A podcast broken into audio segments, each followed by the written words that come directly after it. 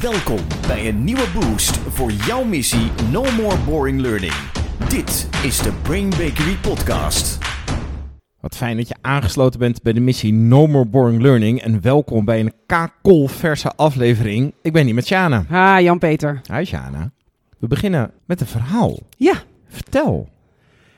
als je op een plek zit terwijl je luistert naar deze podcast, waarbij je je ogen kunt sluiten, dan nodig ik je uit om je ogen te sluiten. Op het moment dat je in de auto zit, luister dan gewoon goed naar het verhaal Ja. en hou je ogen vooral open. Je vertrekt thuis en je bent bijna te laat om je vliegtuig te halen. Je neemt een taxi naar de trein, sprint de trein in en komt net op tijd bij de incheckbalie voor je vlucht. Je checkt snel je bagage in, je rent naar de gate, je door die controle, je moet nog iets laten zien eh, van alles. Dan ren je het vliegtuig in en direct als je het vliegtuig inkomt, sluiten ze achter je de deur. Dus je bent echt een van de laatste. Je gaat snel zitten op je stoel, schaamt je een klein beetje. Dan komt de piloot uit de cockpit en wenst iedereen een goede en veilige vlucht. En gaat weer de cockpit in. Jullie vliegen, je landt, je komt aan bij je hotel en je gaat lekker genieten. Je gaat s'avonds uit eten en eh, je zit in een mooie stad. Je bestelt een heerlijke lokale maaltijd. En je bent even aan het bijkomen van de reis. En naast je zit een koppel. Je raakt met ze in gesprek en ze blijken op huwelijksreis te zijn. En je hebt een geweldig leuke uitwisseling met ze. En dan ga je heel tevreden naar bed. En je zet je wekker vroeg, want de volgende ochtend ga je naar een congres. Het is een belangrijk congres voor je. En de CEO van een internationale technische organisatie, echt een tech thought leader, gaat spreken. Je kijkt er onwijs naar uit, want het lijkt een heel vooruitstrevend verhaal te worden. En dat heb je echt nodig voor jouw organisatie. Oké, als je je ogen dicht had, mag je je ogen open doen. En als je nog gewoon aan het rijden was, was je gewoon aan het rijden. Nou is mijn vraag aan je om even in je geestesoog te kijken. Hoe zag die piloot eruit in dit verhaal? Was het een zwarte piloot? Was het een vrouw?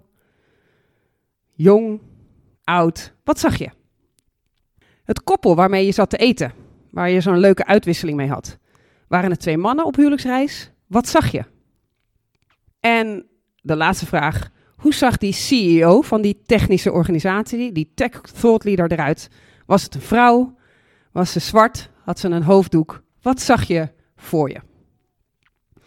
En dan natuurlijk de vraag: is het goed of fout wat je zag? Het is meestal vooral cultureel bepaald wat we hebben meegekregen. Deze podcast gaan we maken over een van de moeilijkste onderwerpen die er is. Een van de lastigste onderwerpen om bespreekbaar te maken en om er eh, bijvoorbeeld eh, met een groep over te praten. En dat is over diversiteit en inclusie. En equity, ja. Ja, we vinden het zelf heel belangrijk. Eh, we leren er zelf veel over. En in deze podcast, Sjana, wil je weer meer kennis met ons delen Ja, over hoe kun je nou rondom Hierin dit onderwerp, trainen, hoe ja. kun je ook hierin leren inderdaad, hè, groeien. Ja, wat we zien is dat het een onderwerp is dat steeds meer opkomt. Het wordt steeds populairder en dat is denk ik super belangrijk en fijn. En we zien dat er steeds nieuwere inzichten over komen. Hè, waar ik vier jaar geleden in Amerika bij de ATD lessen kreeg over zo moet het, Ja. zie je nu dat het heel anders geworden is. Dus in deze podcast wil ik eigenlijk de drie belangrijkste lessen van mijn afgelopen jaar in DE en I wil ik delen. En de eerste ging over dat verhaal van daarnet. Ja, want waarom dit verhaal? Ja, Ja, behalve dat ik wel een beetje geschokt was ja door- want hoe zag jouw piloot eruit? Ja, een witte man. Hoe oud? Ja, eh, ja van eh, middelbare leeftijd. Ja, Ja, een echte... Niet, niet een heel jong iemand. Nee, Nee. ook niet een zwarte vrouw. Nee, Nee, ja. nee. Koppel. Ja, een man en een vrouw. Mm, tuurlijk. Wit. Lekker hetero. Ja, En wit. ja, En de CEO. ja, zeker een man van middelbare leeftijd. Ja, Ja. Met, met een buikje. Ja. Oh ja, ik had toen ik hem voor het eerst hoorde, had ik een, eh, een man. Ik had een soort Steve Jobs ervan gemaakt, maar dan een jonge versie met een soort hippe, hippe gimpen. Eh, maar goed, dat was inderdaad mijn beeld. En ook een, Ja. inderdaad een witte man. Ja. Waarom ik dit verhaal voorlas, is omdat een van de belangrijkste dingen die we kunnen doen in trainingen is op deze manier, en er zijn nog honderden andere manieren, hè, mensen bewust laten worden dat ons brein is voorgeprogrammeerd. Dat is niet onze intentie. We staan niet 's ochtends op met: Ik vind dat alle CEO's van tech-organisaties witte mannen moeten zijn. En daar zit geen bedachtheid in, daar zit geen eh, sturing in. Dat maakt het een onbewuste bias. Ja. En dat maakt dat als jij een vrouw bent in de tech world, dat je soms gevraagd wordt om de koffie uit te serveren, omdat je niet in het traditionele plaatje, wat wij allemaal met elkaar delen, hebben. Ja. Zelfs al wil ik een progressief denkbeeld hebben, ben ik ontzettend pro van alles en stem ik alleen maar op zwarte vrouwen als ik mag stemmen.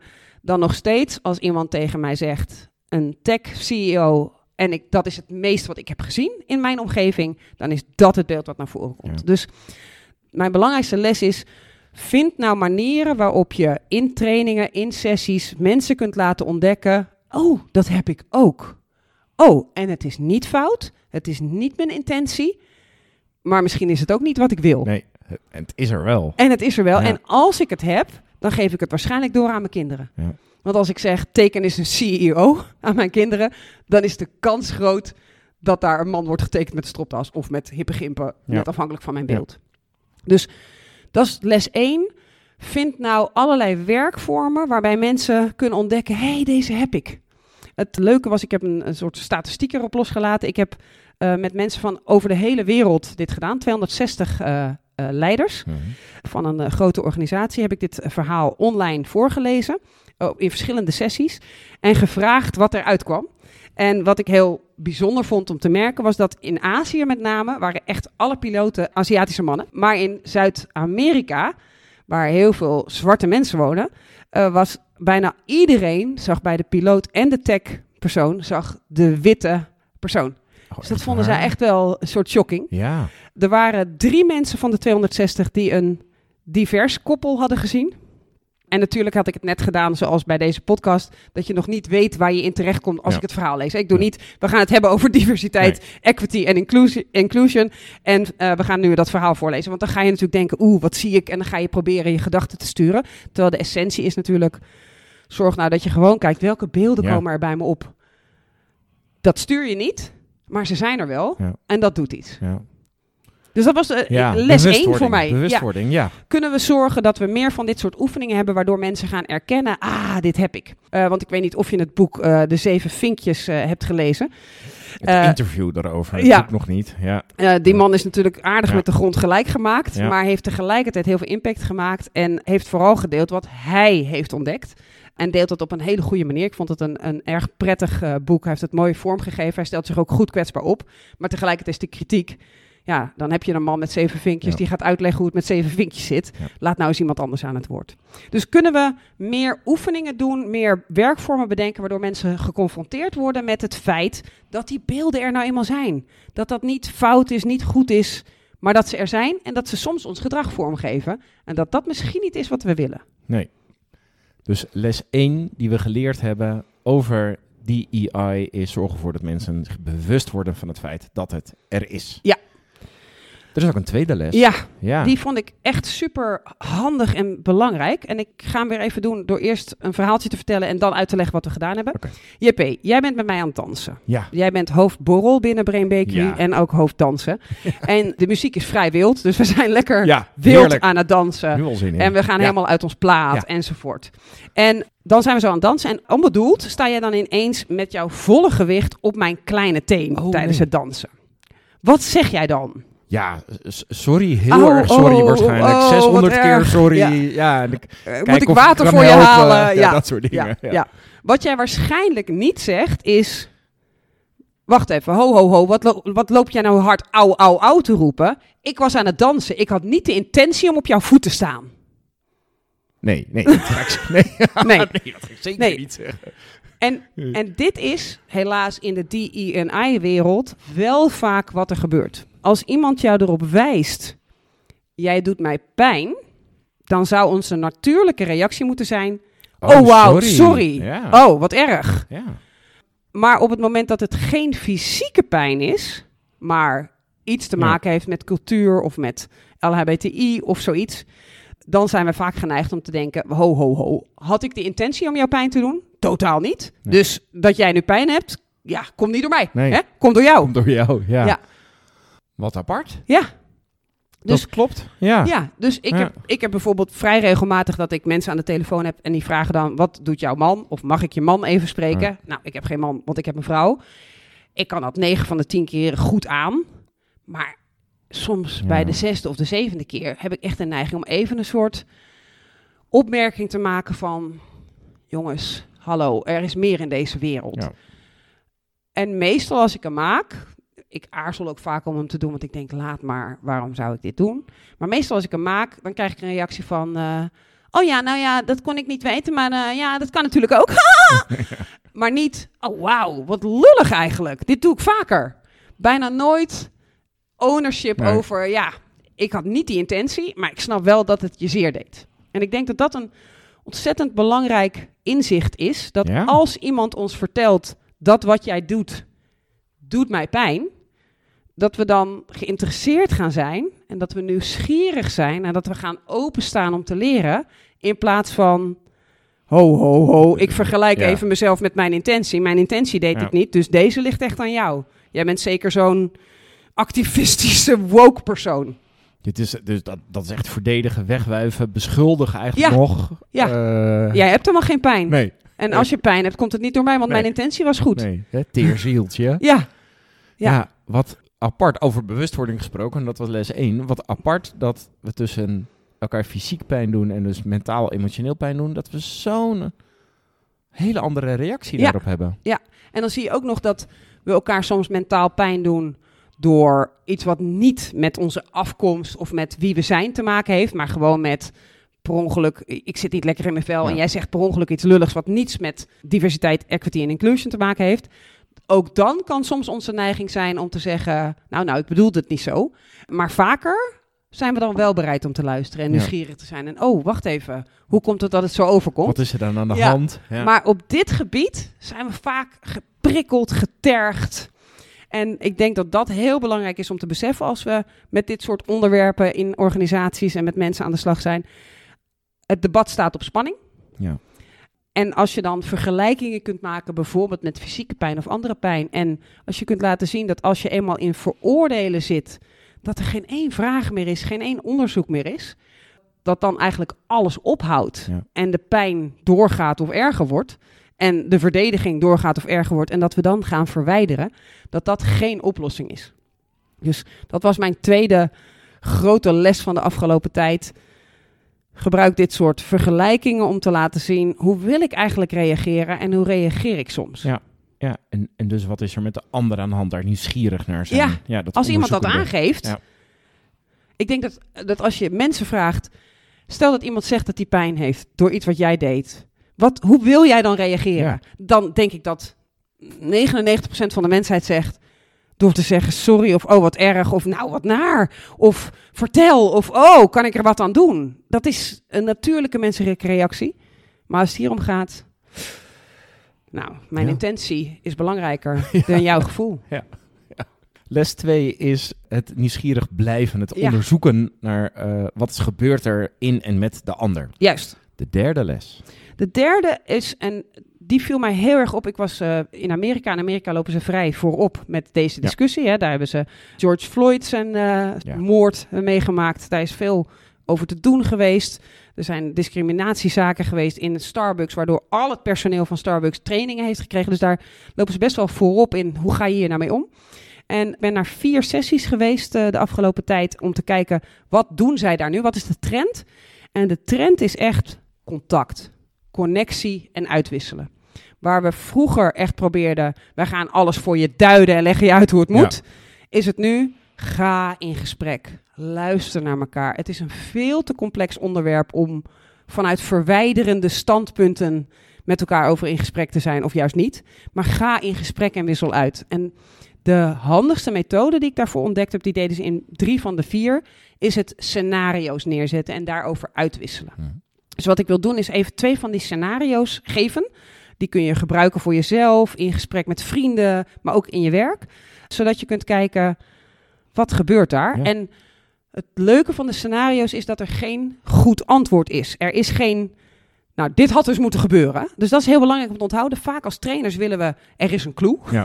De clue is, in het uitwisselen ontdekken we dingen. Dus die is even belangrijk om te onthouden. Ik geef even de eerste. Je hebt een eh, ontzettende belangrijke salesafspraak. En je gaat daar samen met twee collega's heen, een man en een vrouw. En het is de saleskant van het jaar. Dus je hele organisatie is voor jullie aan het duimen. Iedereen weet ervan. Het gaat over heel veel geld of heel veel prestige, wat je er maar bij wil denken. Het is super belangrijk. En eh, jullie komen daar aan bij de potentiële klant, hè, de prospect.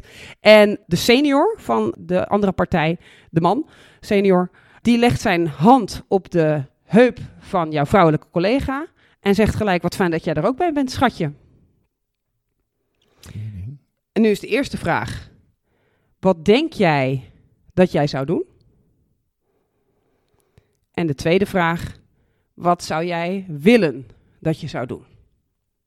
Dat laat je iedereen bedenken. Ja.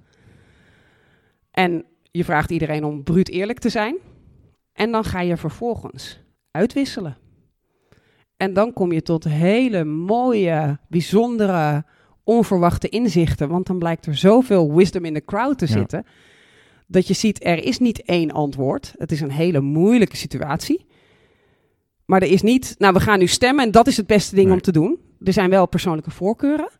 En er zijn wel mensen die van alles vinden. Maar in de uitwisseling leer je zoveel.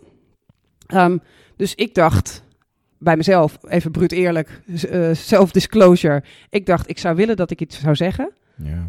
Maar het is een salesafspraak. Ja. Ik zou proberen een soort het een beetje grapje, een beetje weglachen. En proberen om te zorgen dat die collega niet te dicht bij die man kwam zitten. Maar alles onder de radar. Ja. Ik zou het niet expliciet maken. En ik zou daar op de terugweg, zodra we daar weg zijn, zou ik aan haar vragen: Wat raar dat hij dat deed, hè? Nou, erg hoor. Eh, had je gewild dat ik iets had gedaan? Had ik waarschijnlijk gevraagd, maar niet. Ik had het niet expliciet tijdens het gesprek Nee. gemaakt. En ik zou dat best wel erg van mezelf vinden. Maar ik zou echt het salesbelang onwijs hebben voor laten Ja. gaan. Dat was mijn gedachte. Ja. Toen ging ik delen met een groep. En toen zei er iemand: Ik ben regelmatig de vrouw waar dit bij gebeurt. En ik vind het vreselijk als iemand dat expliciet maakt voordat ik iets kan zeggen. Want als Oh. iemand iets zegt, dan is het out in the open. En dan dwingt deze persoon mij om kleur te bekennen. Dus ik ben altijd heel blij als het niet expliciet wordt. Oh. En zo gingen we Ja. de kring rond en Wat had een nieuw perspectief. iedereen een heel ander perspectief. En ontdekten we, er is geen antwoord. maar door over te praten, kunnen we wel bedenken wat slim is, wat niet Ja. slim is. En wat ik dus bedacht had als slimste, was voor, de, voor het slachtoffer in Ja. deze de domste move. Ja. Ja, voor in elk geval voor deze mevrouw die met mij in ik de zat groep inderdaad ook zat. meteen te denken bij de vraag, wat zou je willen doen? Ja, er iets van zeggen, Ja. ingrijpen. Ja. Ja, maar ja, dat, dat, jeetje, wat goed. Ja. En ja, dat is dus de kracht van zo'n, van zo'n scenario, van het uitwisselen. Precies. En dan vraag je aan het eind, wat leren we hiervan? En dan wil je dus niet het antwoord Nee. horen van, zo moeten wij hiermee omgaan. Maar dan wil je horen, wow, wat complex, wat een boel diverse blikken hebben we hierop. Je kunt het eigenlijk nooit goed doen. Nee. En dan soms komt de conclusie, maar wat in ieder geval belangrijk is, is de aftercare voor degene die het overkomen is. Vragen, wat had jij fijn gevonden? Misschien zeggen, ik, sorry dat ik niks gezegd heb. Eh, voor sommige mensen was het beste antwoord een grapje terugmaken. Nou, je bent anders ook een lekker ding. Hè? Dat de man ja. dat tegen de man zou zeggen. Eh, maar het varieert. Ja. Ja. Ander, eh, ik doe nog Ja, een tweede scenario. een tweede? Ja, we hebben Amel. Amel zit in, in jouw team. Zij is eh, bicultureel en heeft een hoofddoek. En zij is de enige met een hoofddoek. Mhm. In de vergadering waar jij in zit, een meeting, zitten negen mannen en drie vrouwen. Jij en Amel. En een van de mannen vraagt Amel, wil jij de notulen maken? En dan weer En dan, de twee wat vragen. zou je willen Ja, doen? ja. Wat zou je denk je gedaan hebben? Ja. En ik dacht, eh, nog steeds activistisch als ik wilde zijn... eh, waarom vraag je dat aan Amel? Dat zou ik Ja. willen dat ik gezegd heb. En wat ik zou doen, was waarschijnlijk aanbieden... Dat was mijn eerste gedachte. Zullen we gaan roleren? Als Amel deze keer doet, dan doe ik het de volgende keer. Hè, dat ik zo'n soort vaag dingetje had gedaan. Nou, toen gingen we uitwisselen in de groep. En toen kwam er inderdaad weer uit. En Toen kwam er iemand met cijfers. Die zei, vrouwen worden zeven keer meer, vaker gevraagd om de notulen te maken dan mannen. Toen dacht ik, oké, dat ik voor had gesteld dat ik de tweede zou zijn die het zou doen, was ook dus niet goed Nee. geweest. Toen dacht ik ook gelijk, ik had moeten zeggen, dan, waarom doe jij dat zelf niet, man? Ja. Maar goed, in de uitwisseling kwamen we erachter, wederom, dat degene die zich konden identificeren met Amel, zeiden, ik zou niet willen dat je iets zei. Wel na afloop, Maar op het moment zelf zet je mij zo on the spot. Want iemand zei, ik zou zeggen, waarom vraag je het aan Mel? Zij is de enige met een hoofddoek. Ja, Ja. hoe is dat voor Amel? Ja. Alles op scherp. Ja. Kortom, Ja. wat ik geleerd heb is, Ja. het is ongelooflijk complex. En in het uitwisselen benader je elkaar, wordt alles zachter, ontstaat er begrip, ontstaat er zelfs begrip voor iemand die erin zit. Waarom zouden we dat niet altijd aan Amel vragen? Zelfs daarvoor, als je dan doorvraagt, ontstaan er soms dingen. Want daar zat misschien de gedachte bij, Amel is de junior van het team. Ja. Dan kun je ook nog vragen, waarom zou je dat denken? Maar ineens ontstaat er zachtheid en benadering en contact versus, van- ja, dit is de les, zo moeten we ermee Ja. omgaan. ja. En die hardheid en dat, die verwijten die je helaas vaak in de samenleving eh, ziet. Ja. Dus drie belangrijke lessen om om te gaan met het onderwerp DE&I. Ja, Dat is zorgen ervoor dat mensen zich bewust worden. Zo werkt het dus kennelijk in mijn Ook brein. in zo, mijn brein, Zo kijk ja. ik naar de wereld. Ja. En dat geef ik ook door. Ja. Wat, je, Ja. eh, wat je zei. Dat geef en het dus is niet intentioneel. Nee. Ja, Eh, de tweede is eh, stimuleer de nieuwsgierigheid. Zorg dat mensen nieuwsgierig zijn naar hoe zit je aan elkaar. Of als ik dit dus bij jou doe, ja, kennelijk kwets ik je daarmee of doe ik je daarmee pijn Ja. of, of zoiets. hè. Dus het onderzoeken in plaats van het afsluiten door te hebben over je intenties. ja. Mijn, va- mijn vader, ik moet even een voorbeeld vertellen. Mijn vader heeft dit jaar een kerstkaart. Mijn vader stuurt mij ieder jaar een kerstkaart. Hmm. En bijna altijd een soort kersttafereel. Met natuurlijk een hele heteroseksuele Maria. Die het dan toch niet gedaan heeft met Jo. Nou ja, goed. Nee, maakt niet uit. Ja. Ja. Maar die heeft dit jaar, heeft hij gewoon als experiment, denk ik, eh, en ik heb hem daar onwijs voor bedankt, heeft hij gewoon een feestende Pride-foto gestuurd met allemaal regenboogvlaggen en gezegd, ik wens jullie een onwijs kleurrijk en vrolijk 2023. Hmm. En echt smelt voor het experiment. Het heeft niets meer met kerst te maken, Nee. maar het heeft wel met wat wensen we elkaar toe te maken en hoe kan ik een beetje in jouw wereld eh, gaan staan. Ja, En- prachtig. Niet dat ik niet genoot van zijn andere kerstkaarten, maar deze komt wel even anders binnen. Ja, Ja. ja. En nog de derde les is het zorgen ervoor dat mensen groepen gaan uitwisselen Ja. over wat vind ik hiervan, welk gevoel heb ik hierbij, wat zou ik doen, wat zou ik willen doen, wat zou jij willen Ja. dat ik doe. Eh, Ja, en kies daarbij een scenario waarbij er meestal gelijk, dit is goed, dit is fout. Ja. Eh, waardoor snel beelden op ontstaan. Dus hierbij moet je dus niet, er zitten negen mannen te vergaderen en de ene man vraagt aan de andere man, wil jij de notulen maken? Je moet die I erin stoppen. Je Ja. moet zorgen dat er zo'n soort beeld ontstaat, waardoor er emoties opkomen, Ja. waardoor het uitwisselen verzacht en het oordeel weghaalt en zorgt dat er toenadering, contact samenkomt. Ja, en die scenario's zijn dus een hele mooie eh, werkvorm Ja. om die te gebruiken. En doe daarbij heel goed, want dat deden ze in een van die eh, sessies niet. Zeg van tevoren, er is geen goed antwoord. Ja. Want mensen denken, oké, nu hebben we uitgewisseld. Anders Nu gaan we terug naar de juf of Ja. de meester. Ja. Wat is de clue? Ja. Nee, dat, daar zit hij niet. Nee. Ja. nee. Je zou soms denken, was het maar zo, was er maar een Ja. goed antwoord. Ja. En geef het ons. zou het leven zoveel simpeler maken. Maar ja.